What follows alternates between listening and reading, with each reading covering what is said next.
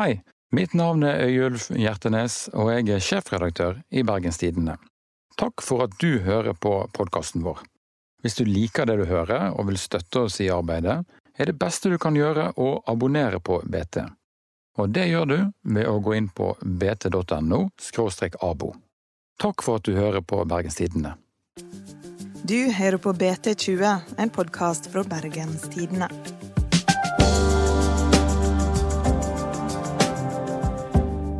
Vandreren ble han kalt. Norges mest notoriske hyttetyv.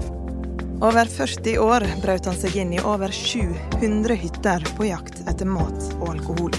I dag skal du få historien om mannen bak det mystiske navnet. Terje Larsen.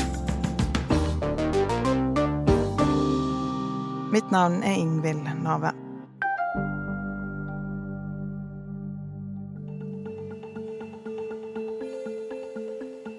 Den 55 år gamle mannen fra Bergen som går under tilnavnet Vandreren. Den såkalte vandreren. Hyttetyven kjent som Vandreren. Innbruddstyven som går under navnet Vandreren. Han har erkjent sju hytteinnbrudd. 200 hytteinnbrudd. 600 hytteinnbrudd. 664 hytteinnbrudd.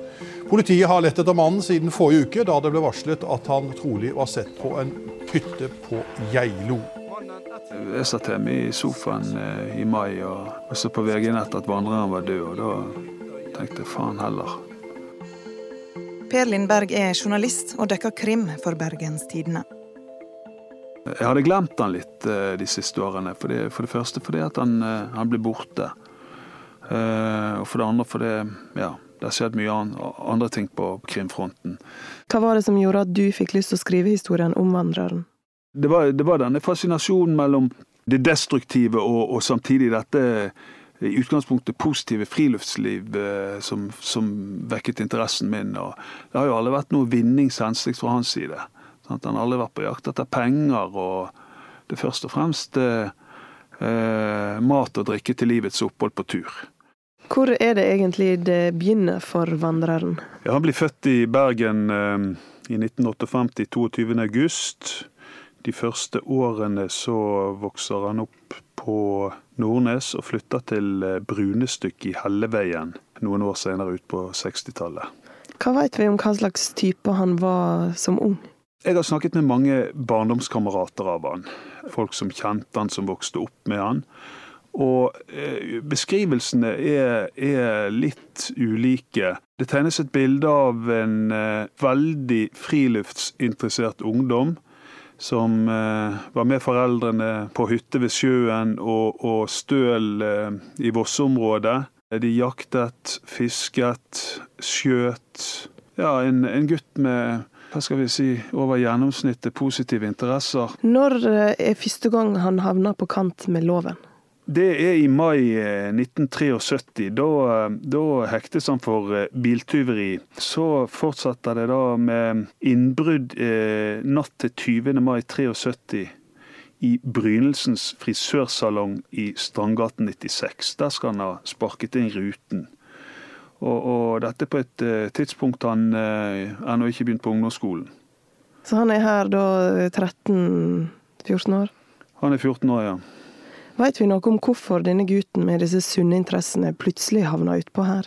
Det er ikke godt å si uh, hvorfor det gikk som det gjorde. Han beskrives som en individualist av noen. En manns eller en gutt som gikk sine egne veier. Ene broren som jeg har snakket med, forteller at, uh, at han hadde et klokt hode, og at han ikke skjønte hvorfor det gikk som det gjorde. Han tenker imidlertid at uh, altså Foreldrene hans skilte lag på 60-tallet. Eh, før gutten var fylte ti år, og at kanskje det spilte en rolle. Men eh, folk har nå alltid skilt seg. Fortsatte han å være i trøbbel med loven opp gjennom tenåra, eller hadde han andre interesser? Ja, altså det, det ble en periode fremover med, med mye vinningskriminalitet. Og eh, han var på spesialskole.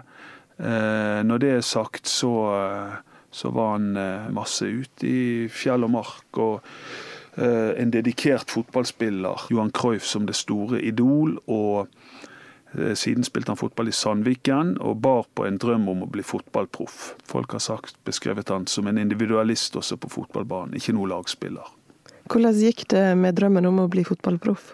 Den gikk det dårlig med. Han har i flere intervjuer sjøl sagt at han eh, prøvespilte eh, for en dansk klubb, eh, men at han måtte hjem og legge seg i hardtrening, og så havnet han på fylla. Så ja. Men her legger jo han på en måte skylda på alkoholen. Når blir den et problem? Det er uvisst, men det er mye som tyder på at han hadde tidlig et usunt forhold til alkohol. Og eh, det blir jo Det forsterker seg nok siden i voksen alder. Når ble han egentlig til vandreren? Det var vel eh, desember 1978, så brøt han seg inn i fem hytter i Mæland. Og dette er de første eh, hytteinnbruddene som han ble tatt for og dømt for.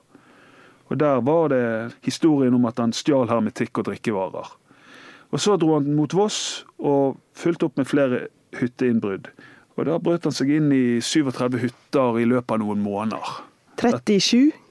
37. Da har han hatt eh, nok å, nok å gjøre, for å si det sånn, da.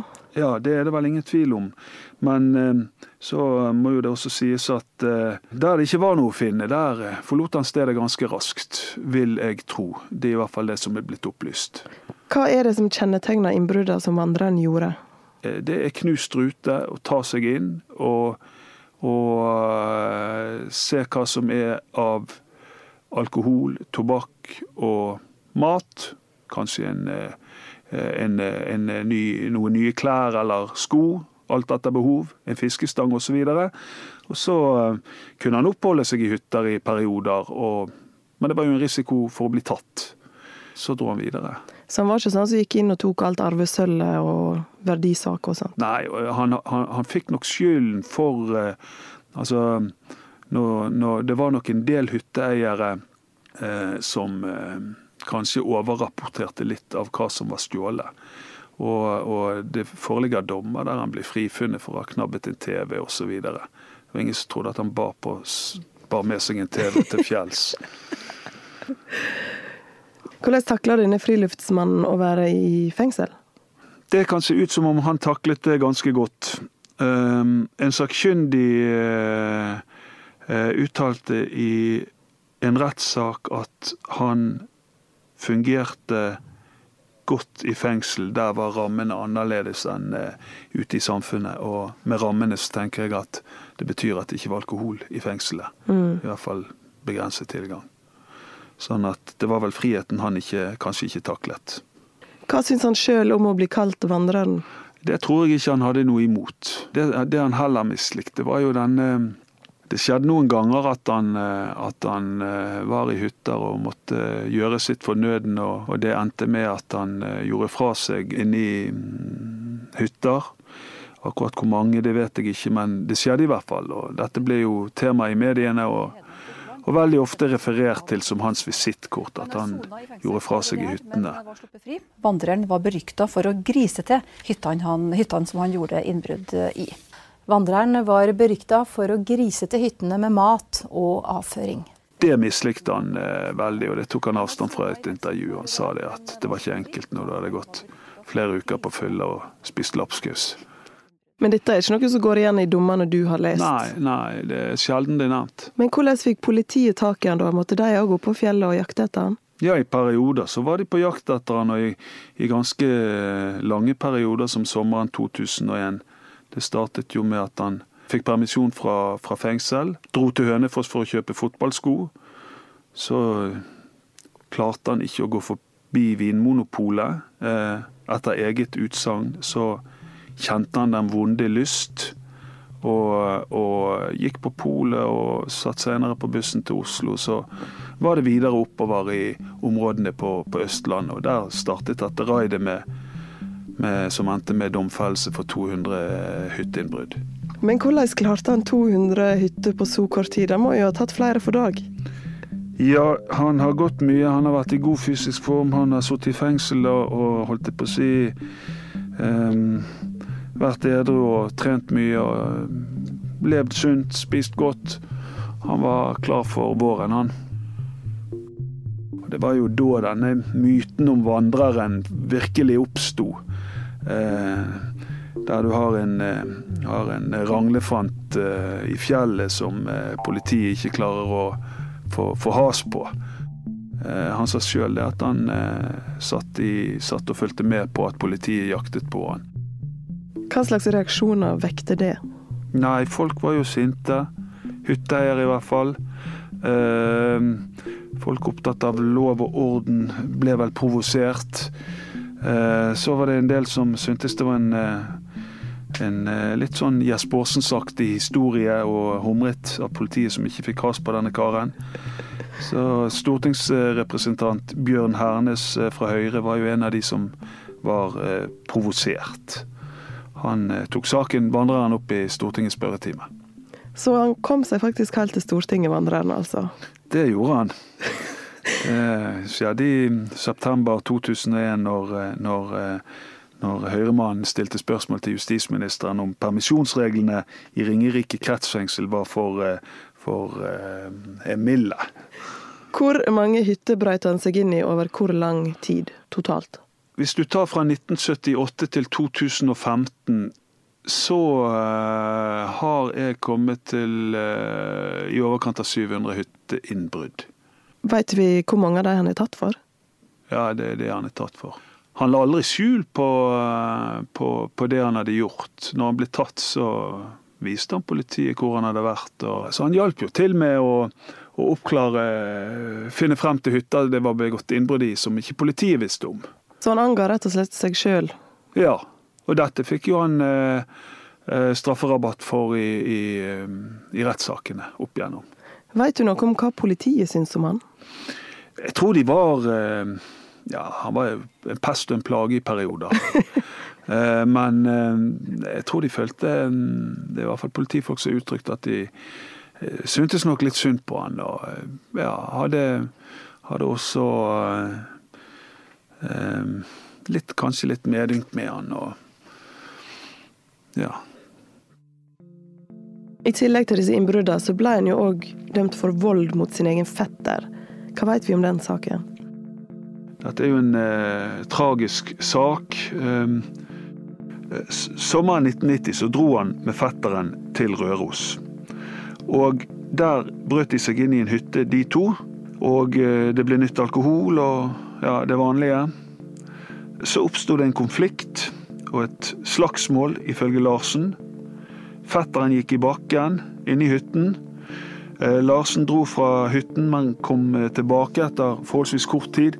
og Da fortalte han siden at da sto hytten i brann, og han forsøkte flere ganger å redde fetteren, uten å lykkes. Og Larsen dro fra stedet og, og Fetteren kom aldri tilbake til Bergen og ble siden etterlyst. Så gikk det over et år før, uh, før uh, man fant en sekk i nærheten av hytten, og politiet begynte å se på denne hyttebrannen, etterforske mer. og De hadde mistanke om at dette kunne være den savnede fetteren fra Bergen. Og det fant de helt klart identifikasjon på på branntomten. At fetteren hadde vært der. Og Larsen ble da siktet for drap. Oi. Ja. Ja, hva gjorde han da? Nei, Han nektet skyld, og ble siden, eh, siden dømt for, eh, for eh, vold mot fetteren. Sånn at han ble liggende i hytten, og at hytten ble brant ned ved en uh, uheldige omstendigheter. Retten fant aldri bevist at, at han hadde til hensikt å, å, drepe fetteren. Politiet fant det heller aldri sterke nok beviser til å ta ut en, gå inn for en eh, tiltale i saken. Hva slags forhold hadde han til familien sin? Han hadde et eh, godt forhold til sin eldste bror, og besøkte han eh, da han var i Bergen. Og, og de var sammen eh, ved ulike anledninger. Han hadde også et eh, godt forhold til sin mor. Sendte alltid brev til henne på bursdagen. Eh, til sine sønner og ekskone så var det vel ikke et ikke-eksisterende forhold. Veit vi noe om hvorfor det ble sånn? Det vet jeg ikke, men, eh, Men han fikk i hvert fall to barn i 81 og 83, to gutter. Og, og han skal ikke ha hatt kontakt med de eh, siden den gang. Eh, altså når han dro fra Bergen og skilte seg. Har du noen anekdote fra noen av disse gåturene han har vært på? Jeg har snakket med en turkamerat som gikk med han eh, De møttes vel på en blåkorsklinikk i Bergen. og Terje Larsen spurte om han ville være med på tur over Hardangervidda. Han eh, karen som jeg snakket med for noen uker siden, han eh, fortalte jo det at dette, dette svarte han nei til, for det ville han ikke klare. og, og men Larsen fikk noen med seg, og de dro, tok toget til Ustaos, mener jeg det var. Og så begynte de å gå. og og det som i hvert fall han eh, kompanjongen som fortsatt lever, forteller, det er jo det at eh, eh Du vet ikke hvor mye sprit det er i fjellet. så de levde godt der oppe? Ja, de levde, om de levde godt, så, så trivdes de i hvert fall. For, for han svirebroren som, som jeg snakket med nylig, han beskriver det som en av sine livsferier. Men hvordan takla han det å, å, bli eldre? Han var jo ganske aktiv type. Det vi vet, er i hvert fall at han eh, under soning i mars 2007 ble angrepet av en medfange i Ringerike fengsel. Da ble eh, Larsen slått i hodet eh, av denne medfangen. Det var ved hjelp av en glassbolle. Og, og, og da holdt Terje Larsen på å dø, men Eh, etter lengre sykehusopphold så, så eh, kom han seg på beina. Overfallsmannen ble dømt, og i dommen eh, så fikk Larsen tilkjent et par hundre tusen kroner i erstatning. Og Der heter det at han, han fikk en invaliditetsgrad på opptil 44 så han ble veldig, veldig fysisk svekket. Og, og, det sto også i dommen at han i mange år og i lange perioder har gått mye i fjellet og i skog og mark. Og skaden eh, fra fengselet da, har ført til at han har fått ujevn gang i terrenget, og at hans orienteringsevne er blitt vesentlig svekket. Så han fikk det tungt etter det grove overfallet. og, og da vet vi at han led av angst og depresjon og ble innlagt på psykiatrisk sykehus. Og, ja. Så her roa innbruddene seg ned, da? Ja, i hvert fall. Eh, de avtok i veldig stor grad. Og, og han bodde alene på på Lørenskog. Han, eh, jeg har snakket med naboer der borte som, som, eh, som bodde, med, bodde, i nærheten av han, og de sa det at han, eh, han var mye aleine. Hvordan enda det for vandreren? Når han var på tur i mai 2018, da hadde han åpenbart reist fra boligen sin og, og nordover på Østlandet og kom til Vestre Toten. Der dro han inn i landet. Vitner har sagt at de så en mann som stakk til skogs når han ble observert. Og 10. Eh, mai 2018, eh, Kristi himmelfartsdag, så kom et ektepar på tur ved det som kalles for eh, Korperudhytta. Der så de en mann sitte, og de snakket til ham for å spørre om alt var vel, og han fortalte hvem han var, og de skjønte det at her var det behov for legehjelp. Og lege og politi ble tilkalt. Lege kom frem, og han ble erklært død på stedet. Politiet opplyste nå, eh, nå i dag at, at den endelige obduksjonsrapporten foreligger, og at dødsårsak er uklar, men etter alt å dømme hjertesvikt. Hva gjorde han ute i skogen den dagen her? Han var, hadde vært i området noen dager, er det man er sikker på. Det har vært innbrudd i en hytte eller to i området. Eh, man antar at det var Larsen som hadde vært på ferde der. Eh, men eh, ettersom han er død, så ble det ikke iverksatt noe etterforskning. Nei.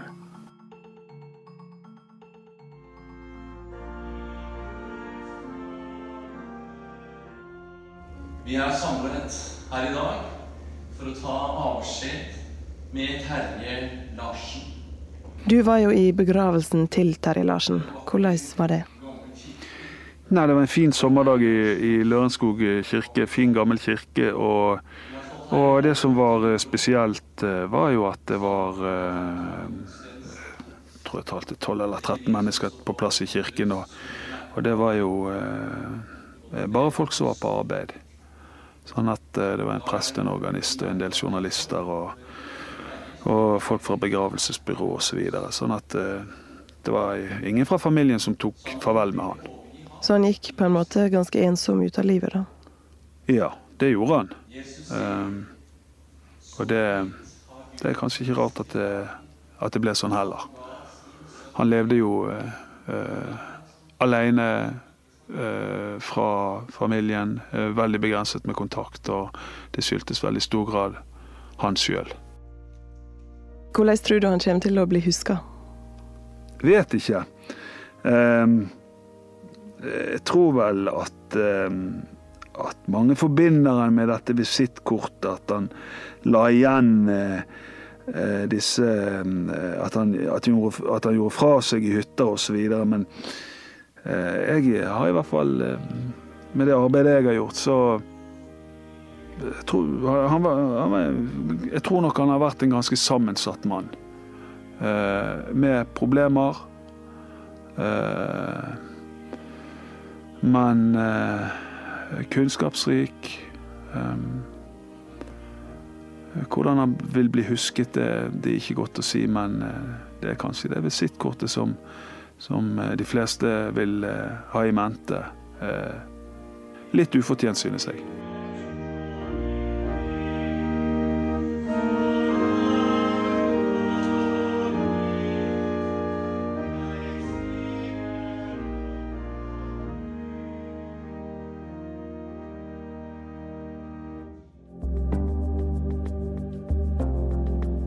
Det var ukas episode av BT20. Vi er tilbake neste torsdag. Produsent er Henrik Svanevik. Mitt navn er Ingvild Nave.